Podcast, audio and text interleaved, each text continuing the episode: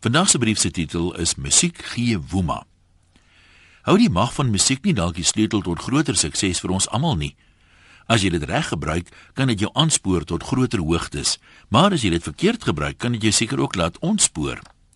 As jy destyds die fliek Apocalypse Now gesien het, sou jy ook soos die vyand kouerlings gekry het as jy die musiek uit die aanvalshelikopters hoor soos hulle nader kom aan jou skuilings.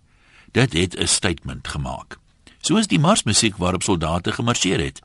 En wat van die liedjies wat by interskole of intervasie gesing word? Ek het al spelers hoor sê hulle raak so opgewerk het voel of hulle deur 'n muur sal hardloop. Musiek kan natuurlik 'n verskeidenheid emosies meebring en vasvang. Romantiese musiek tydens 'n Kerslig ete moet sekerlik jou kanse verbeter om daai aand saam 'n kersie dood te blaas of hoe. Sien nou dis 'n eerste date en julle is albei nog sien wie agtig. Jy moet dalk nog die skanse om haar hart afbreek, maar jy weet nie hoe hoog sy hulle gebou het om 'n vorige vryer uit te hou nie. Wie weet, dalk het hy net die verkeerde musiek in sy kop gehad. Ek kan my indink dat jy 'n vrou dalk anders sal benader op die maat van Impie as op Kissing a Fool. En met die brielse trein na Pretoria in die agtergrond, sal jy waarskynlik vassteek by jou ongelukkige kinderjare en nooit eers by 'n romantiese gedagte uitkom nie. Musiek het selfs 'n invloed op jou inkopies. Dis glo bewys dat klante in 'n supermark vinniger 'n trolly vol maak op die maat van musiek met 'n vinnige tempo.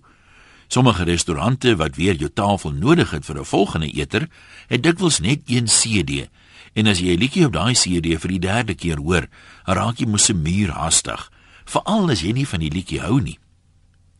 Ons almal kan getuig van musiek wat dadelik ons bui verander. Nou hoekom kan ons dit nie tot ons voordeel gebruik nie? Dis natuurlik 'n baie persoonlike saak en dieselfde liedjies sal nie vir almal werk nie. My tandarts speel byvoorbeeld klassieke musiek terwyl hy my boor. Ek hoop dit kalmeer hom want dit dryf my teen die mure uit. 'n Bel vir my het hom weer voor eksamens opgesaik met Neil Diamond se Going to America. Wat seker nou nie almal se eerste keuse as 'n oorlogskreet sal wees nie.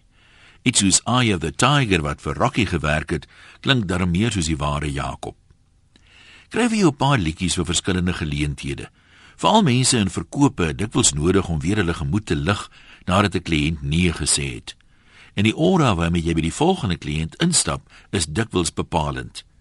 Kies 'n opgewekte liedjie om jou dikbek te normaliseer nadat die wekker in die oggend afgegaan het. Een om jou tot aksie aan te spoor as die besem of die rekenaar vir jou gluur. En een om jou te laat dans as jy alleen voel. Dit kan seker net beter gaan met die regte musiek as klankbaan van jou lewe of hoe. Terloops, niemand het mos musiek nodig om hom uit 'n toestand van vrolikheid weer terug te bring na neerslagtigheid toe nie. Dit doen ons sommer maklik self. Is eintlik jammer want daar's baie liedjies wat nommerpas sal wees.